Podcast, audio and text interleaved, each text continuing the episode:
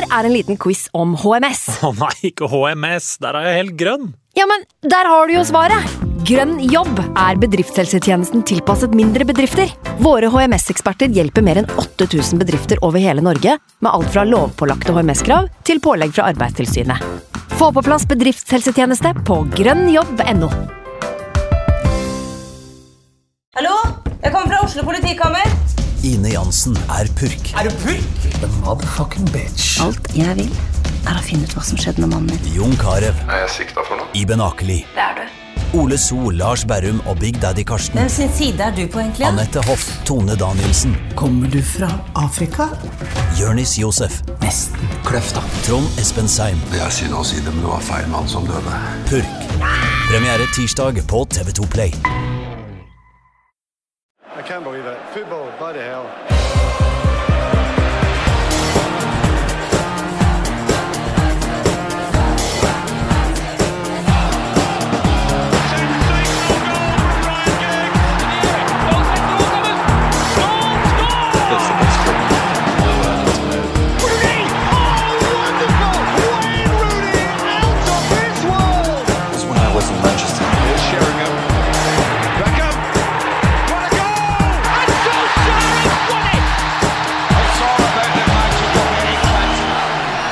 Velkommen tilbake til United We Podcast. Det har så vidt blitt mai, og tre United-sportere har samla seg i studio for å oppsummere ståa.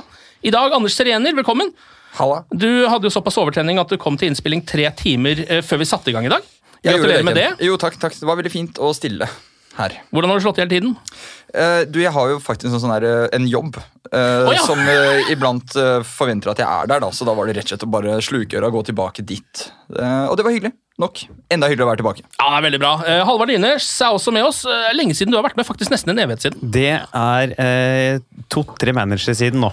Ja, det er det. Ja. Og da må man jo spørre, altså, hva liker du med Ten Hags Manchester United? Eh, det, nå er det jo da eh, Det er første gang jeg er med i United We Podcast eh, i en periode hvor jeg tenker sånn Ja, det er jo noe som kan minne om eh, struktur i et Ja. lag, og det er jo eh, gledelig. Hva liker du ikke? Eh, nei, jeg har jo nå øh, Jeg føler alltid at det skal gå galt med United. Jeg er alltid redd nå. Og det er jo det jeg nå er enda mer redd for enn noen gang. For nå har jeg tenkt sånn Denne gangen går det. Denne gangen skal det gå.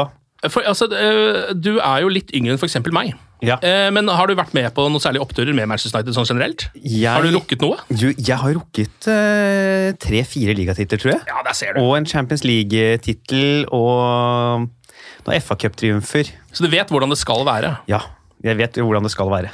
I dag er det to kamper som skal eh, oppsummeres. Vi skal snakke om eh, Spurs eh, borte. Og så skal vi selvfølgelig også eh, hoppe elegant videre og snakke om Villa hjemme. Det er dagens to matcher. Eh, Spurs borte. Klassisk game of two halves, eller? Er skal, vi, skal, vi, skal vi si det på den måten? Det er jo på en måte oppsummeringen. da, Det er det vi sitter med. Eh, Kanskje den eh, mest tydelige Game of Two Halves også. Jeg har sett på en evighet. Vi så den jo til og med sammen. Ja, vi gjorde det. Eh, Manchester United har jo hatt noen av de kampene nå. De hadde jo en mot uh, Sevilla, for eksempel, som kunne minne litt om det. Litt sånn der, ok, her har vi totalkontroll. Det var vel en game med one og three other halves, Ja. uh, Sevilla-oppgjørene der. Det var det. Og så har du jo Tottenham, som det viser seg at også lett kan spille sånne kamper. For de gjorde nesten det samme mot Liverpool uh, etter å ha spilt mot United. Men vi kan jo starte litt med lagoppstillinga. Bruno starter jo, selv om han egentlig var skada. Det her skulle jo være den første kampen i hele karrieren hans som han sto over pga. skade. Er ikke, det, er ikke det helt sjukt? Altså, Det er utrolig imponerende. det er jo helt merkelig å, å være fotballspiller i så mange år. Spille nesten alle kamper, aldri være skada. Ja, ikke bare, altså, han spiller jo alt for United. Ja. Altså, han er jo inne i om det skal være borte mot de mest obskøne motstandere i Europaligaen, Ja. eller om det er hjemme mot City, så er Bruno alltid på banen. Ja. Og gjerne i tett, tett opp mot 90 minutter. ja, han blir jo nesten aldri bytta ut heller. Og så blir han så sur. Om, om det så er liksom Luton borte i tredje runde i FA-cupen. 7-0 leder United. Faen, ikke sant? Du ser han bare rabler. Jeg elsker det. Jeg tror liksom Bruno kan finne på å bli skada litt sånn alvorlig på banen og bli båret av og fortsatt bare skjelle ut det han finner på veien. fordi han kan jo kravle rundt i den tieren, han! Ja, ikke sant? Og det er, jeg, jeg liker jo den uttalelsen han har hatt, at eh, da han var yngre, og egentlig helt fram til han ble proff, så har han spilt liksom, fotball i fire, fem, seks timer hver dag. Så det å spille liksom en eh, ja, to ganger 90 minutter i uka er jo ingenting, sier han. Det er en fyr du vil ha med deg i krigen. da eh, Og da tenker jeg åpningsscenen Private Ryan eh, på stranda der. Altså De som går og ser etter beinene sine og sånn. Han hadde gjort det. Og satt på seg bein igjen og kommet seg opp til den bunkersen. Nydelig på han. Ja, det er også fantastisk at han da at det faktisk ikke ble den første kampen som han sto opp pga. skade. Han nekta plent det. Eh, Starta matchen som om ingenting hadde skjedd. Eh, ellers var jo laget omtrent som forventa, eh, med tanke på alle skadene. Det var samme oppstilling som mot Brighton, bortsett fra at Marcial var benka og Sancho starta isteden. Maguire var helt ute av troppen med en eh, liten treningsskade, ifølge Ten Hag, men kom tilbake til oppgjøret etter, så var det var ikke så ille, det greiene der. Eh, ellers er det jo interessant å merke seg at Spurs igjen har tidenes yngste manager i Premier League, eh, Ryan Mason, på benken. Han var jo først 29 da han eh, ble tilkalt første gang som midlertidig. Nå er det et par år seinere. Fortsatt Han hadde rekorden som nest yngste også, for å si det på den måten. Um, ganske heseblesende start på matchen, så vidt jeg husker. Fire min, så eh, er det Spurs som egentlig starter best, eller i hvert fall har det første liksom, angrepet. De er sånn tre mot én eller sånn på Uniteds halvdel. Vet ikke helt hva som har skjedd der allerede etter fire minutter, men det var i hvert fall sånn det blei.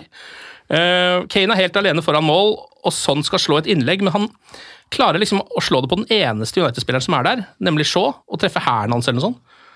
Og ballen ruller ut, og det blir ikke noe, blir ikke noe fare av det. Og så skårer jo Manchester United etter syv minutter. Eh, hva husker du Alvar, av målet til Jaden Sancho? Du, dette målet her, den første gangen har jeg kun sett i reprise. For Ja. Jeg gjorde en jobb under den kampen der, så Ja. jeg kom inn i, til pausen og skulle se da andre omgang aleine på en backstage på Hamar. Og hadde rigga meg til med en bedre t- pilsner på siden der. Og du så også United leder allerede Ja, 2-0. da, jeg hadde sett høydepunktene i pausen, og jeg gleda meg, jeg. Og, og, så det, det, Jeg har litt sånn vonde minner jeg, fra den kampen her. Ja, jeg skjønner jo det, eh, for da har du bare fått med deg eh, nedturene, på en måte. Ja. Men eh, det var jo gledelig å se Sancho skåre. Ja. Eh, og at han eh, For jeg syns han har vært litt eh, slapp og eh, mye, og ikke, var ikke akkurat på toppen hele den kampen heller, men det var jo et litt sånn slags flashback til Dortmund-tida, det målet der. Ja, det var det. Og fint å se han kanskje starten på en jeg tror er en lang vei på å spille seg inn i den formen han eh, forhåpentligvis skal ha eh, i United. Ja, for det er jo en klasseskåring, egentlig. Han får ballen av Rashford, eh, drar seg sånn rolig inn eh, mot 16-meteren, sånn som man pleier å se eh, Sancho gjøre, egentlig. Og så trenger han egentlig ikke å dra så mange heller, for det er liksom, Spurs er så slappe i starten av den kampen her at de går liksom ikke ordentlig press heller, så køler han den bare i lengste forbi Forster, og så er det 1-0 til Manchester United. Veldig lik skåringen hans mot City forrige sesong. Ja, faktisk. Eller, ja, eller tidligere, nå går det sur. Men uh, han har jo det der i seg. Men så er det sånn Nå kommer Jaden Sancho. Og så forsvinner han i tre kamper. Det er litt uh, det, Ja. det som er blitt den vante uh, gangen nå, da. Men kanskje vi bare må håpe at nå skjer det, faktisk. Det, det trenger vi. Jeg føler han har sånn masse i seg, men at han ikke klarer tempo i Premier League til enhver tid. At han blir innhenta kjappere enn han tror. For Man ser når han plutselig får litt rom i enkelte kamper, sånn som her på det målet, at han kan gjøre fantastiske ting. Men når han blir satt for tidlig under press, så er det som han ikke har vent seg til Det er jo ikke akkurat første gang vi ser en playmaker vi har henta fra Borussia Dortmund. Nei, det er jo ikke det. Det har vært eh, mange eksempler der. Eh, kan jo f.eks. nevne Shijikaga, da, Ja. som var litt det samme. Han hadde også eh, veldig mye gående for seg, men sleit kanskje litt med kanskje spesielt fysikken. Ja. I Premier League, Det ser man litt på Sancho også noen ganger. Han vet at Hvis han får en spiller for nærme oppi seg, så kommer han sannsynligvis til å miste den hvis ikke han klarer å slå en sånn sinnssyk tunnel. som han gjør en Og det prøver han ofte. Det prøver han ofte å gjøre. Um, og så syns jeg jo egentlig, eh, fra United scorer, så er det en ganske lang periode hvor United dominerer ganske kraftig. Sancho kan skåre flere mål. Han har en dobbeltsjanse etter 18 minutter. Eh, nydelig angrep av Manchester United som ender opp hos Jaden Sancho. Eh, Forster redder, og så får han en ny sjanse. Og den klarer han å sette forbi Forster, men der er Perisic på streken Ja. og header ballen eh, unna. Um, så jeg synes, Det er en periode her hvor jeg syns at Spurs for det første ser veldig slappe ut. De går ikke noe særlig i press. Um, de er nesten ikke over midtbanen. De ser litt ut som uh, da um, Altså, det ser ut som ethvert lag som møter Manchester City, egentlig. Ja. I en periode. Og jeg tenkte at dette her skal være liksom grei match for Manchester United, men så er det et eller annet med at hver gang Spurs eh, har en, liksom, bare en bitte liten sjanse, så blir det en stor en. De har overraskende altså sånn, Nå har jeg sett den kampen her først, så jeg den en gang live, og så har jeg sett på høydepunktet etterpå. De hadde flere sjanser enn det jeg trodde når jeg satt og så den.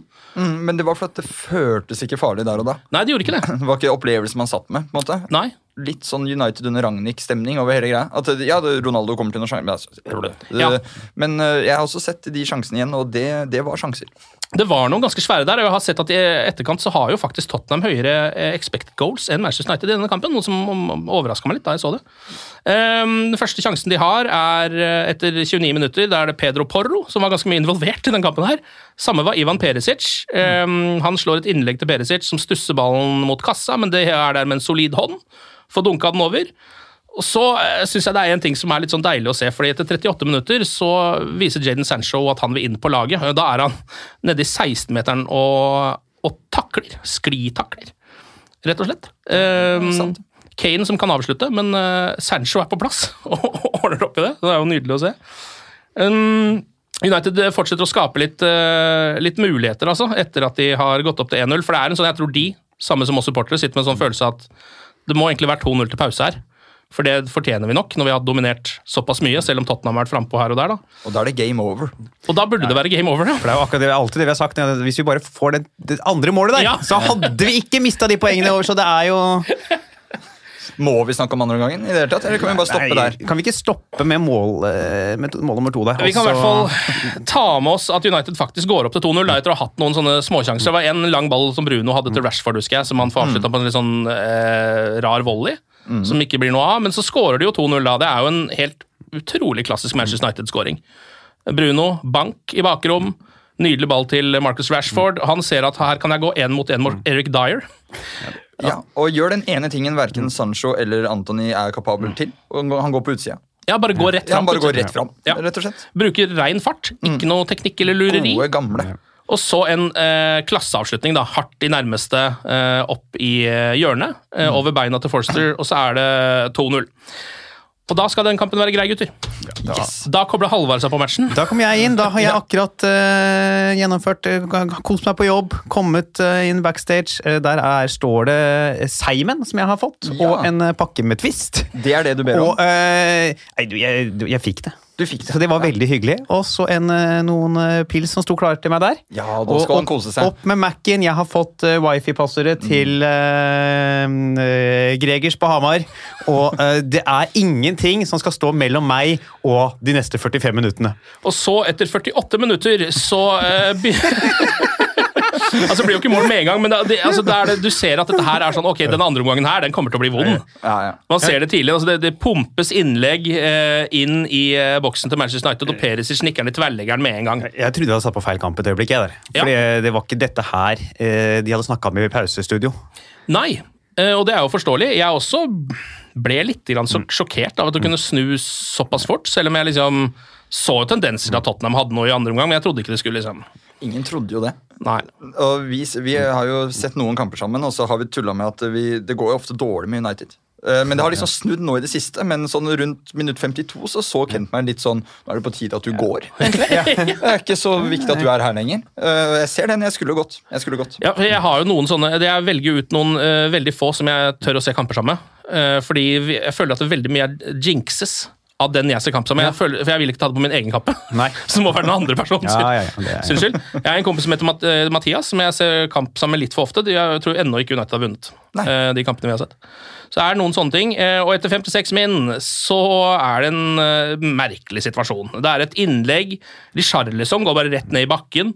Eh, Det ropes på noen straffer, men Kane plukker opp ballen og skyter den rett i brystkassa på Luke Shaw. Og så havner ballen hos Pedro Porro, som liksom Jeg vet ikke om det er det han prøver på, men han treffer liksom med utsida uten at den skrur. Det er en sånn, akkurat som han skyter med strak rist, bare med utsida.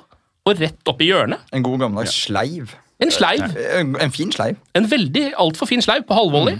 Eh, David Hea kunne ikke gjøre noen ting, og så er det 2-1 altfor tidlig da, i den kampen. For det, det målet Da tenkte jeg sånn For det er så mye som skjer i forkant, og så kommer den ballen bare inn, og i tillegg vært under press. Det er sånn, det, nå, dette går jo ikke. Nei. Man får litt den følelsen eh, akkurat idet den ballen går inn, Ja. at nå kommer det ett til. Så vi bare håper at ikke det kommer to til. Ja. Jeg får en veldig sånn eh, Fifa, nå er motorene rigga Ja. det til mot meg-følelse. Ja, For det er, det må jeg si, altså Fifa er rigga. Jeg spiller karrieremodus nå, Ja. og eh, jeg slipper inn eh, hver kamp på overtid til at det blir gjort. Mm. Hver kamp! Det var ti kamper på rad. Ja. It's, it's scripted. Det er scripted, men noen ganger så virker det som ekte fotball også Ja. er det. Ellers er det bare jeg som er ræva mot slutten. Det kan også være det. Det er jo også en mulighet, selvfølgelig. Og det samme kan vel si om United. Ja, det kan også være at de er bare dårligere. Ja, at de bare Mot rett og slett er elendige på slutten. Kan hende, men altså her, det som skjer er jo at eh, samme eh, med minutt som de har sluppet inn mål, så er det akkurat som de prøver å skjerpe seg litt. Grann, Også spesielt Bruno Fernandes, som prøver å gå foran. Han eh, runder egentlig hele midtforsvaret til Spurs med et par dragninger og en eh, lynfrekk tunnel. Og så er han alene med Forster. Og så skal han jo selvfølgelig gjøre dette her sånn at det blir et mål som vi kommer til å se på reprise om og om og om igjen, så han må jo chippe med utsida litt her. Hvis ikke så er det jo ikke en skikkelig finish.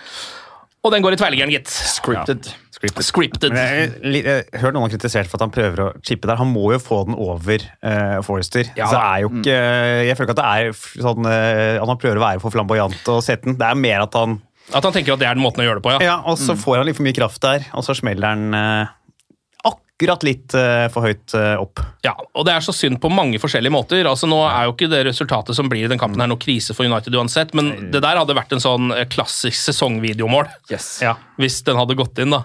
Er veldig synd for Bruno at han ikke får den eh, inn på highlight-reelen. Eh, ballen lander jo også etter den chipen hos Aron Wambisaka, men ja, han stupheader den jo utafor. Det, ja, det er eh, Det er en, en treig heading.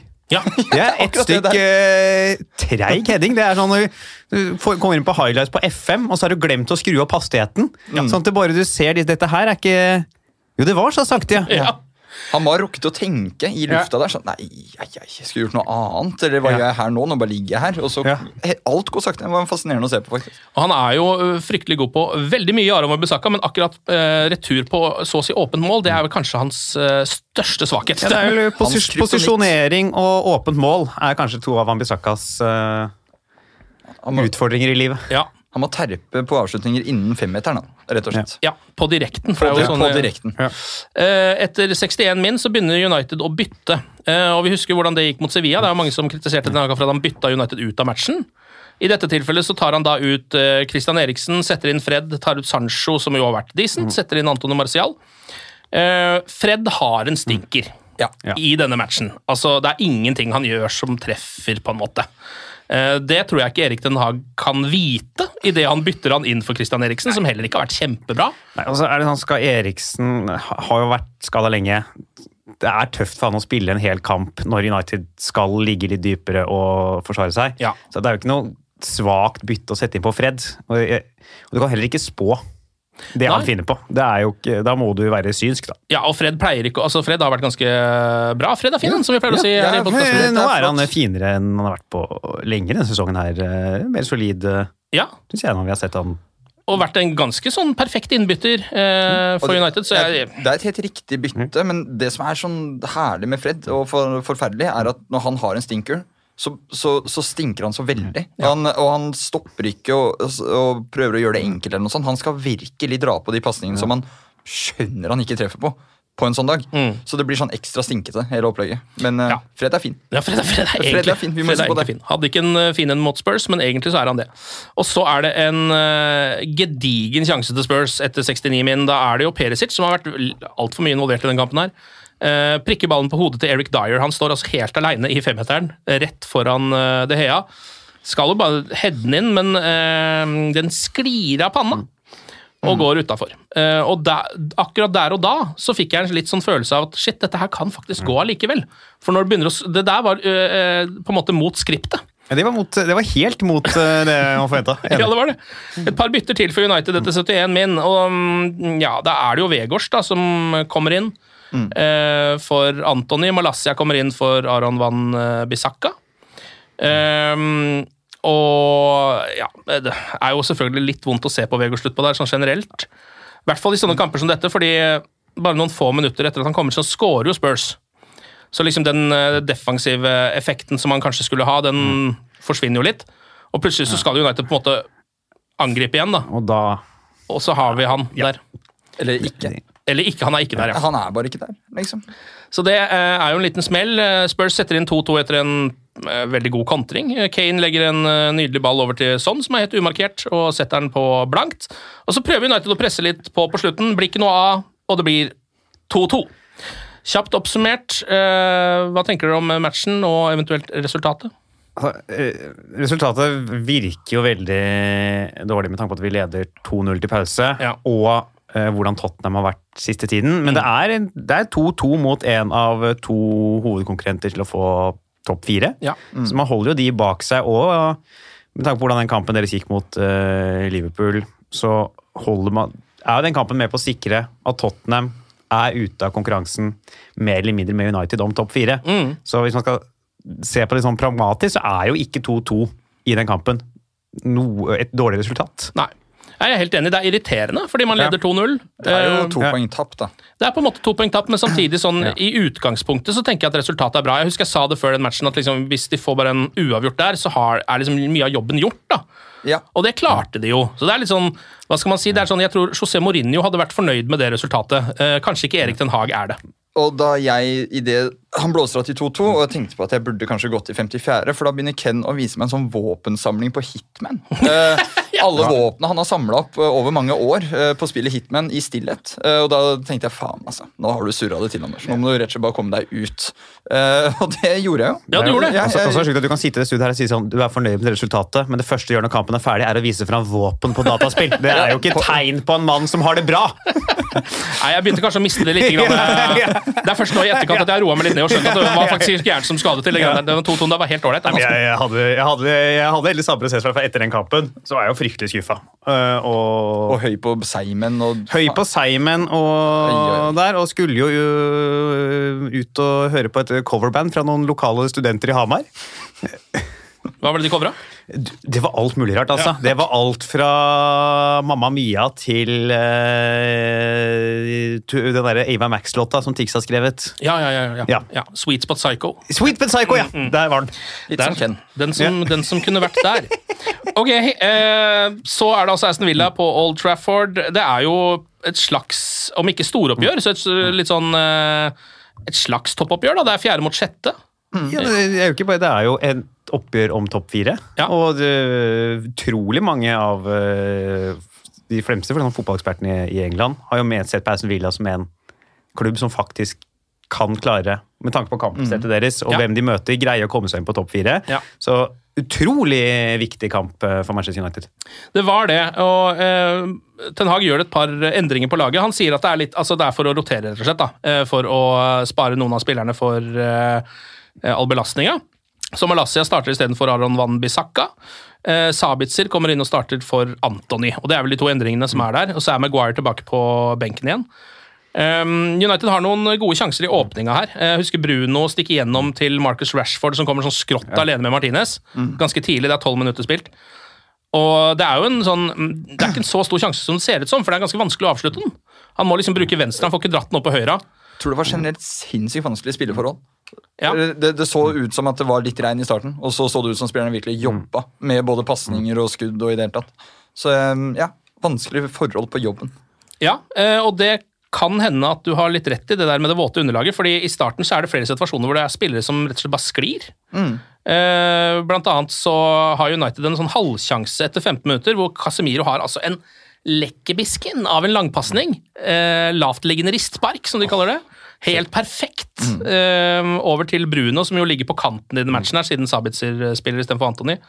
Eh, han prøver å slå den inn på én touch, eh, Bruno Fernandes, og da sklir faktisk Emiliano Martinez.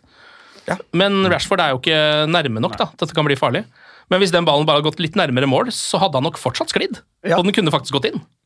Men det gjorde den ikke. Og så er det en ny sklisituasjon bare tre minutter etterpå, for da har Villa sin første sjanse. eh, Og den er ganske svær også. Bundia som eh, slår inn foran mål.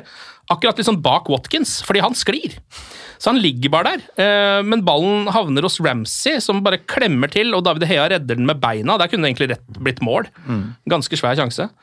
Um, United har altså Jeg syns Casemiro har, blitt, han har begynt å skyte så mye. Og det er jeg egentlig litt glad for. Altså, Casemiro har et utrolig skudd som alltid går rett utenfor. Ja, Det er utrolig rart. å. Altså, fordi det er jo så hardt og rett bane stort sett da, på alle skuddene hans. Men så er det, det er nesten aldri på mål. Nei, det er, det er veldig ofte en liten sankti. Ja. til side for mål. I dette tilfellet så er det, prøver han jo å sette den litt sånn hardt med innsida over keeper. Den går i tverrliggeren, rett og slett. Og så eh, har jeg lyst til å dra fram en takling fra eh, Tarell Malassia etter 36 min, fordi da føler jeg at han vil vise at han ikke er noe dårligere enn Aron Wambisaka. Taklingskongen. Det er det han gjør. Verdens beste takler, for det er det McGinn som får ballen. Han er egentlig så å si alene med David Hea, men så kommer bare Malassia inn fra ingenting. Med en scoop tackle. Ja, en, En- god gammel ja. scoop. En såkalt Van Bissaka. En, han tok en rolig Bissaka. og rydder opp i det hele. Så kommer målet til Manchester United, da. Eh, like før pause. Seks min før pause. Eh, en litt rar eh, scoring, egentlig, fordi det er et utspill fra Emiliano Martinez fra femmeteren. Og så header bare Casemiro den rett i bakrommet til Marcus Rashford, som ikke er offside. Eh, blir jo sjekka på VAR. Eh, Rashford klemmer til, liksom, eller klemmer til han. Han prøver å sette den i lengste med venstre, tror jeg. Nei, nei, vet du hva, her har jeg en, For den avslutningen ble litt sånn her eh, Ikke latterliggjort, men en sånn eh, dårlig avslutningsforsøk. Ja. Jeg tror Rashford der eh, benytter seg av forholdene.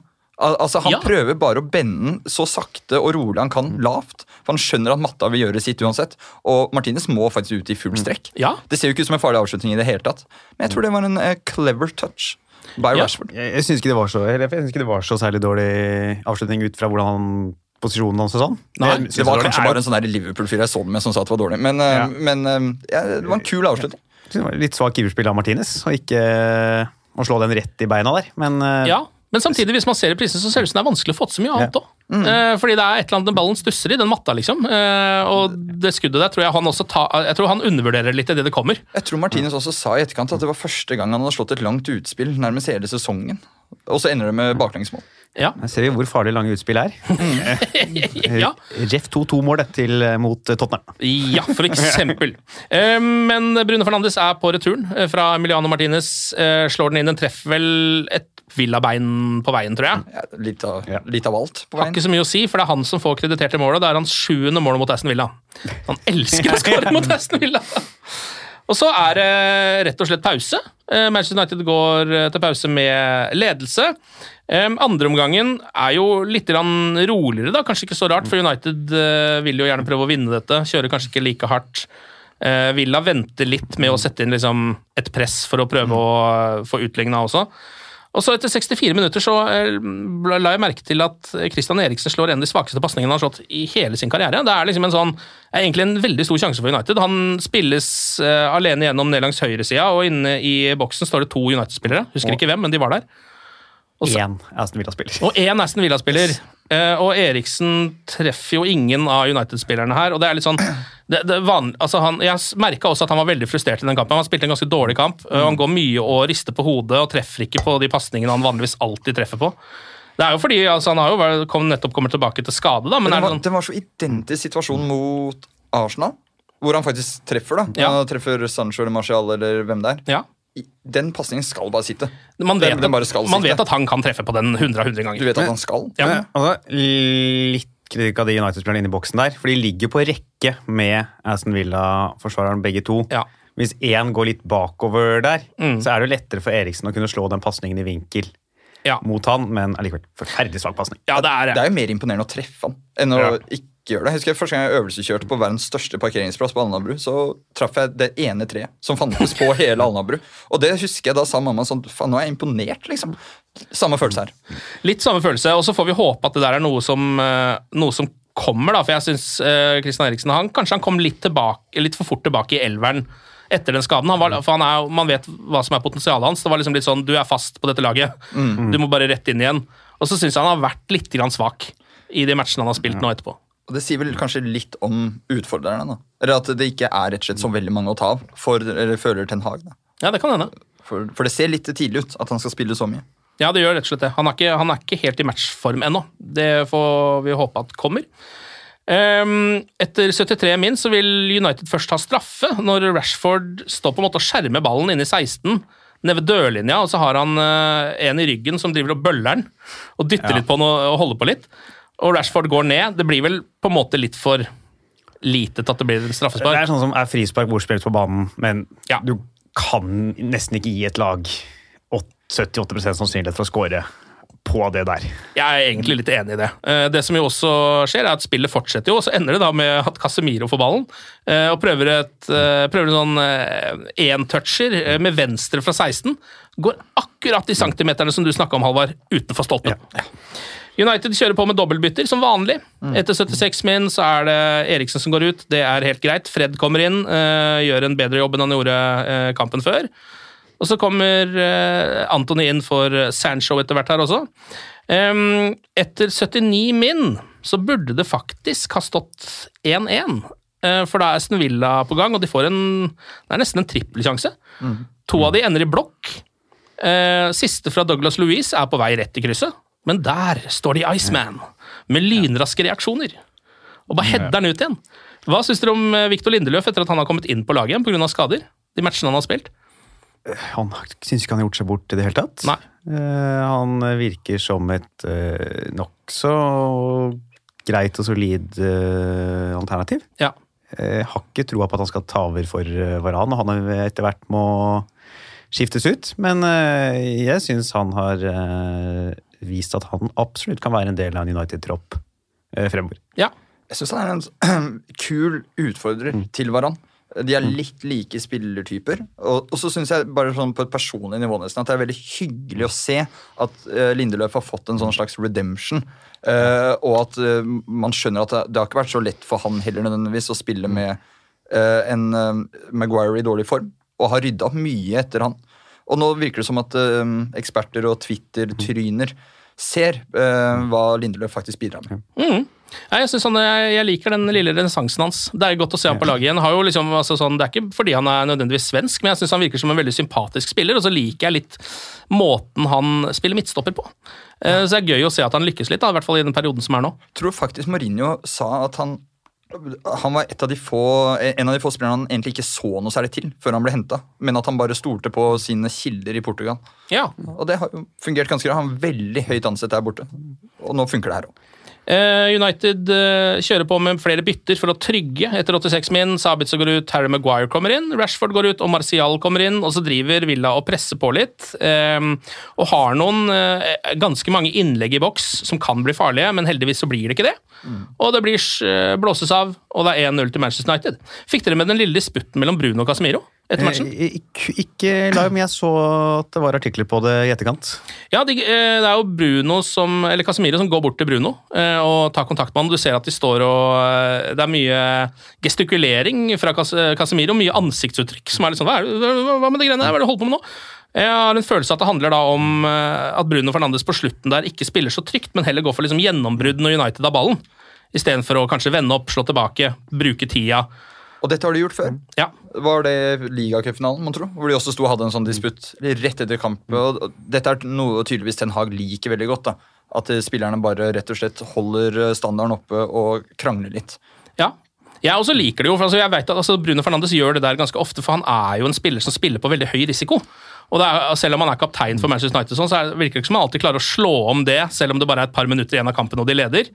Det må han kanskje jobbe litt med, for det er jo en jeg vet ikke, det er jo en slags sånn, det ligger jo noe profesjonalitet i det. på en eller annen måte. Jeg vet ikke om han har det i seg. Nei, ikke jeg heller. Han, er, han sier jo det selv. altså Han, spi, han går for gull hver eneste gang han slår en Selv om det ikke er løp eller noe. Ja, Han bare- skal, ja, den skal i Det bakrom. er noe med at det skal alle spillere på et eller annet vis ha i seg. Å spille en trygg pasning. Mm. Og at vi har altså, Hvis Casemiro sier fra, det er ikke, han er, han er ikke ikke-kjent for å være god til å spille trygg og solid, han. Så da bør Bruno lytte etter hvert, i hvert fall. Ja, det tenker jeg, og så liker jeg egentlig at det skjer. da. Eh, For jeg vet jo at Casemiro er kanskje vant til å spille i et lag, dvs. Si Real Madrid, over mange sesonger med enda flere ledertyper enn United har. Så jeg tror han tar det litt for gitt, jeg. At en spiller som Bruno bare skal skjønne det der instinktivt. Han trenger ikke å si det til han engang, men det må han tydeligvis gjøre, og da har vi noen som kan lære opp folk også, så det er jo veldig bra. Få noe pedagogikk inn i United. Det blir bra. Og så er det jo De to er jo ikke spillet, altså de krangler, det er jo ikke liksom dårlig stemning av den grunn. Det, er jo det, altså, det å være uenig er jo ikke det samme som at man er eh, fiender. Nei, Og at vi nå kan ha det, sånn at vi kan ha diskusjoner innad i klubben på jo fotballfaglige ting uten at det skal surmules som det har blitt gjort med tidligere spillere. tenker det er helt uh, supert. Jeg. Ja. tipper de er venner igjen når de kommer inn i garderoben. De, er bare, de har en faglig uenighet, og den ønsker de å ta der og da. Ja, også Fordi de er profesjonelle. Og så deilig at de altså, tar det etter en seier. da. Altså at Det er liksom sånn at det er ikke forbeholdt kritikk, er ikke forbeholdt surhet, er ikke forbeholdt å tape. Uh, det syns jeg er litt viktig. Man tar det når man eh, må ta det. Og nå bør vel den Champions League-plassen være uh, relativt grei. Uh, bør den ikke det? da? United ligger på fjerde, de har 63 poeng. Eh, Newcastle er rett over. De har 65 poeng, men har også én kamp mer spilt. Og så ligger Liverpool under der da med 56 eh, poeng. Eh, har, har de én kamp mer spilt? Ble jeg usikker. Liverpool har én kamp mer spilt. Ja, det har de, ja. Ja. Så, det, så det vil si at altså United leder med sju poeng og har én kamp mindre spilt eh, på det som da er den største utfordreren akkurat nå, som er Liverpool igjen, merkelig nok. Den så jeg ikke komme. Ikke jeg heller. Eh, Klopp har vel allerede sagt at eh, fjerdeplass er bare å glemme. Vet ikke om det er noe han sier rent psykologisk, men hvis han ser på dette, så ville jeg også sagt at det egentlig faktisk er bare å glemme. Skulle tro det. Ja. Skulle tro det. Men men vi har jo sett United snuble tidligere i sesongen her. Så Ja. jeg, eh, altså jeg vil si Det er en overveiende sannsynlighet for at United får topp fire. Det er det vanskelig å være uenig i. At det er en over... Men at det ligger en mulighet der. At eh, vi kanskje skal vente litt med å holde av samtlige tirsdager og onsdager eh, på høsten foreløpig. Hvis du har kveldsjobb. Da ville jeg kanskje ha venta et par kamper til. Men man begynner vel å se konturene av en godkjent sesong her, gjør man ikke det? Hvis vi skal si at det blir en Champions League-plass, fordi det er overveiende sannsynlig. Eh, la oss si at det også er overveiende sannsynlig at det blir eh, et tap i FA Cup-finalen, men det er fortsatt en FA Cup-finale, og så er det et trofé fra ligacupfinalen. Mm. Eh, hva slags terningkast gir Ten Hag på den sesongen? Er jo, vi er jo foran prosjektet, holdt jeg på å si. Eller, altså, jeg, hadde, jeg vet ikke helt hva jeg sa jeg, før sesongen. Det virker veldig lenge siden nå. Men all den tid vi fortsatt har samme manager, ligger an til topp fire og har vunnet en uh, Mickey Mouse-finale, så er dette en klink femmer for meg, egentlig. Ja. Og et, et spill som du ser utvikling i. Altså et, Ja. et, tydelig spill. Nå er det ikke bare touch and go kamp til kamp. Nå, du ser nesten en plan, og det har jo ikke vi sett på veldig mange år. Nei. Eh, vi kan jo også begynne å titte litt på de tingene som er litt mer usikkert. For det er jo et oppkjøp på gang, muligens av Manchester United Football Club.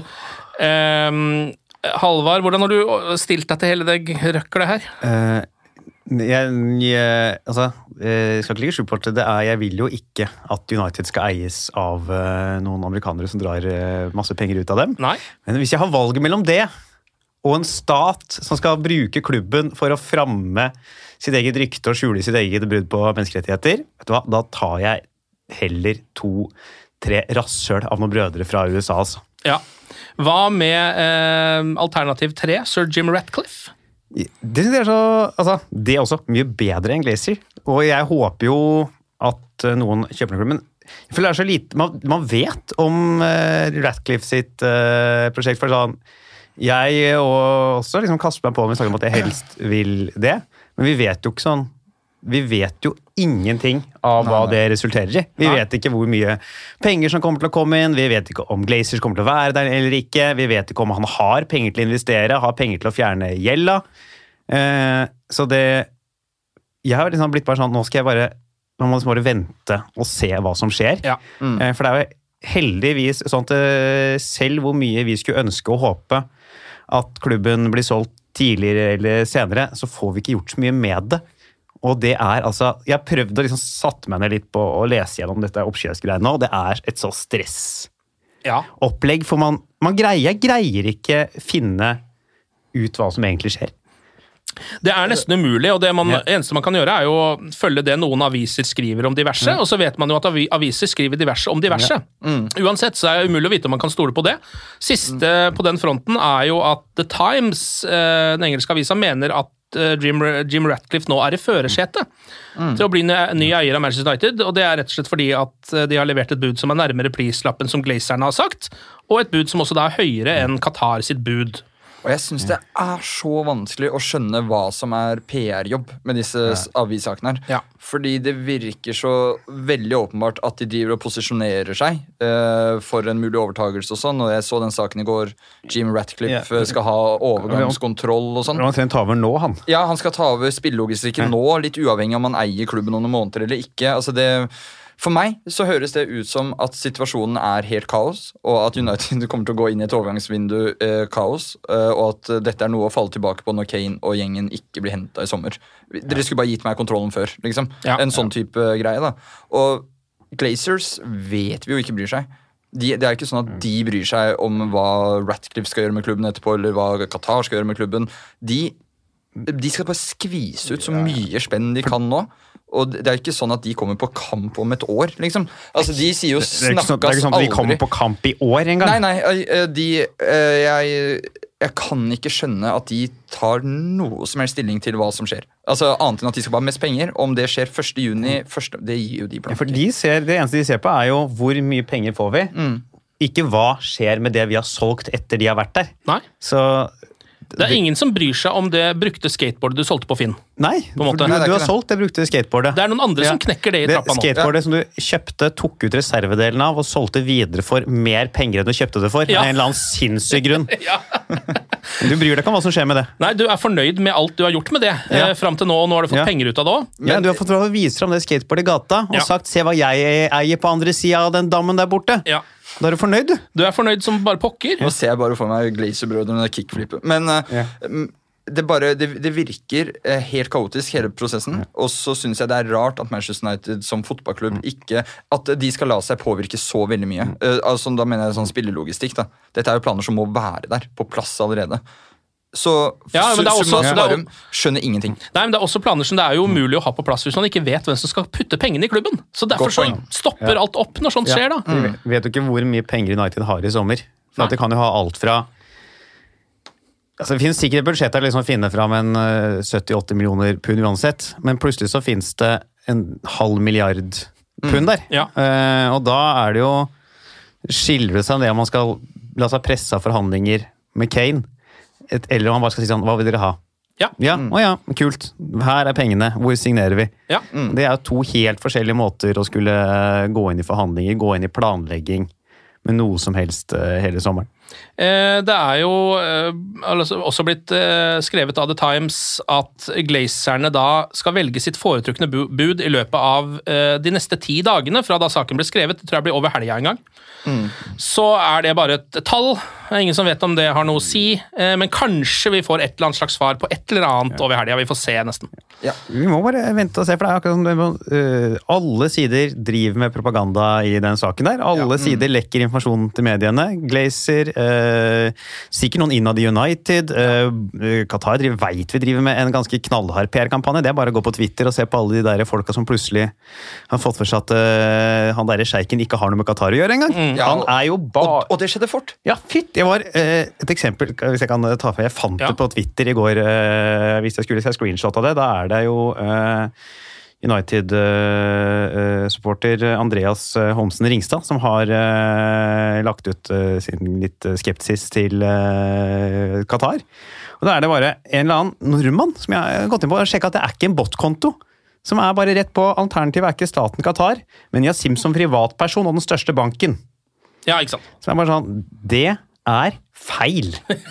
Er det ikke det er sportsvasking? Jo, det er akkurat det. Det er jo akkurat, det er bare sånn, oh ja, Så de har fått det til allerede, selv før de har tatt Det er helt merkelig.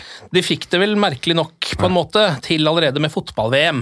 Eh, på en slags måte. Selv om det var mye hat mot det òg, så var det Messi som vant. Bare siste om dette her, for bare litt til det propagandagreiene. Kasper Schmeichel satt jo i går og, og praiset altså Ratcliffe, eller uh, også kalt sin sjef. Eh, men helt seriøst, han er jo NIS.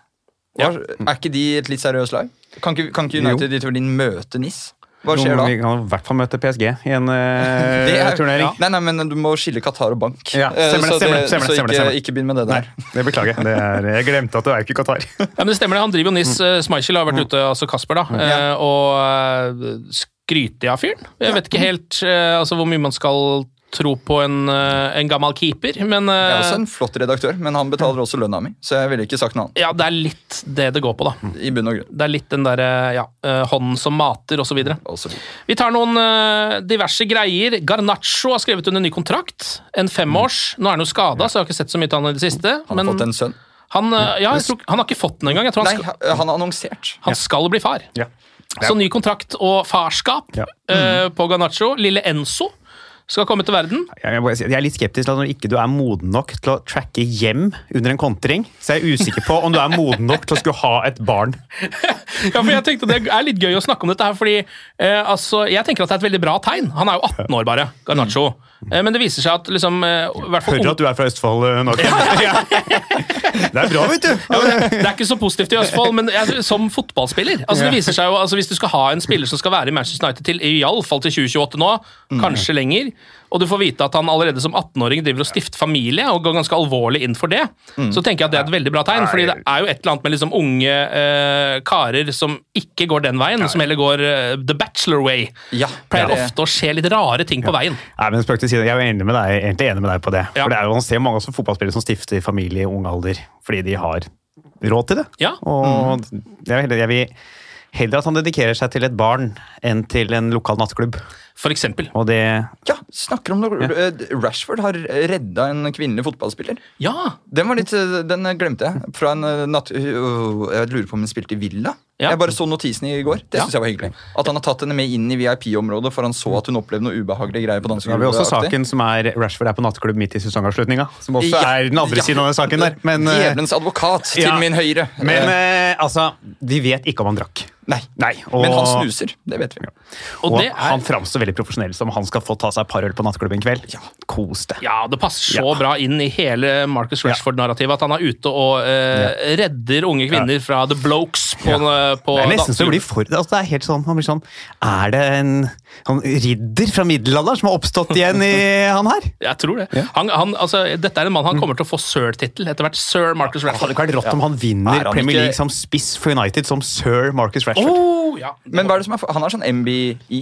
Øh, ja, annet? OBE. OBE. O- OB, OB, ja. Det er et par hakk øh, under, men han er på liksom Han er sånn eh, kvasiridder. Ja, han er Ja. kvasiridder, ja. Ja. Så han ville ikke Men- sitte rundt det runde bord, men hadde vært i rommet. Han hadde vært The Squire, Ja, kanskje? kanskje det. Ja. Squire, da. Det er fint. Pussa skoa til Lancelot. Ellers- det er jo også en gig som noen må, Ja. noen må ta. Ta uh, rustningsstøvlene Ja. til Lancelot og gi de en shine. Ja. Eh, Dean Henderson har det vært litt snakk om i det siste, fordi han er, har jo vært skada en stund. Eh, og så viser det seg nå at han er såpass eh, skada at han rett og slett eh, må opereres. Og vil egentlig ikke kunne spille igjen før i august. Ikke sant? Og det er jo liksom noe man tenker at kanskje Manchester United eh, kunne sluppet å forholde seg til, men de må jo det nå, da, for han er jo, kommer jo tilbake igjen.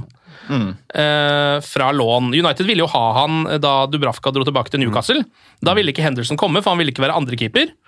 Eh, og det kommer jo til å skje igjen nå. Altså sånn, nå for det første så blir det jo sikkert vanskelig å selge han. Han er skada fram til sesongen starter igjen.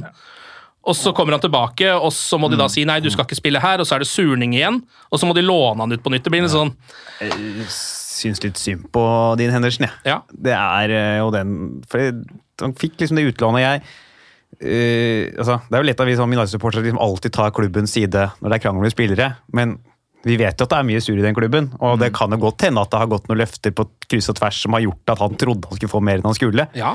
Og han er jo i en alder som keeper når han skal begynne å bli fast et sted. Jeg forstår veldig godt at han, når veien er så langt fram som den egentlig er i i United Ja. En, DG er foran, og to, jeg tror heller ikke Dean Henderson er den en keeper Ten Hag kommer til å satse på hvis eh, DG skal gå. Nei. Og så får du den skaden. For det, jeg tipper han regna med at overgangen kommer i sommer. Ja, Ja. det tror jeg også. Men og han har, er det ikke For de henta vel Kayler Navas i januar? Han har vært skada siden da, har han ikke det? Jo da. Og nå skal han være ute til August. august, ja. Men det høres ut som en uh, lei sesong som andrekeeper. For, Ja. for det, da er du jo fortapt uansett, da, med mindre Ja. han kommer seg i god form til januarvinduet og får et utlån et halvt år da. Men da det er avhengig av at nei, Ja, for Det er vel ingen klubber som vil ta sjansen på å kjøpe en spiller som har vært skada i åtte måneder eh, heller. Det er jo et kjemperisiko å ta. Ja, det tror jeg også. Um, og i så fall så må han jo gå billigere enn det Manchester United Ja. i så fall er, sikkert er villig til å slippe han for. Men jeg vil bare tenke at kanskje de bare skal gjøre det. eh, Fordi det her er en spiller som kommer til å skape masse kaos. Det kjenner jeg allerede. ja, Han er jo i limbo, Ja. eh, mer eller mindre, og kommer til å furte. Og, ja, han har jo noen sånne uttalelser iblant, da, som, Ja. eh, og de vil nok ikke bli færre av. Så så er det mulig at han da kanskje må gå eh, til en klubb på litt lavere nivå enn han håpte selv. Ja. Som faktisk tør å ta den sjansen. Kanskje en god championship-klubb er mer villig til å ta sjansen på en eh, keeper som har skada i åtte måneder, enn en midt på tabellen Premier League-klubb. Ja. Vi får se hvordan det der eh, går. Jeg bare håper United eh, liksom kanskje har litt mindre hva skal man si, stolthet og griskhet i denne situasjonen. At de bare tenker mer sånn ok, for det beste for alle er at vi bare blir kvitt han så fort vi kan. Det hørtes veldig ut som Manchester United. Ja. det er ekstremt. eh, Så den, det skjønner jeg. Ok, Det er to, eh, to kamper nå eh, denne uka. her. Det er Brighton borte på torsdag. Kan jo hende at de vil revansjere seg fra FA Cup-semien. Men da starter Bisakka igjen. Da starter vi igjen, det er sant det. Men det kan bli en vrien igjen. Jeg synes Brighton imponerer meg. altså. det er jævla gode. veldig. Og så er det Westham borte på søndag. I teorien ikke like vrien kamp. Den skal jeg på. Skal du det? Ja! Den skal jeg over til London. Du skal på camp campen, ja? Ja. Hvilke forventninger har du til å se Når når er sist du så United eh, Januar. live? Ja, det ser du. ja. Men nå, jeg, det blir vel min sjette gang jeg ser United live i livet. Jeg har aldri sett United slippe inn et mål live. Oi! Det er jo Ja. imponerende. Så det, hvis den trenden fortsetter, så lover det godt for eh, kampen. Da tror jeg du skal komme med resultattips. Vi tar bare Westham siden du skal Ja. på den kampen. Ja, Jeg tipper jeg tror United tar den 2-0, ja 2-0, ja. Ja. ja men Jeg høyner til 3. og du høyner til 3? Ja, jeg hadde egentlig tenkt å si 2-1, men ikke når han skal dit. Da. Da Jeg går for et veldig klassisk Manchester United-resultat. 1-0. 1-0 til Manchester United. Ok, Halvard og Anders, tusen takk for praten, og glory, glory.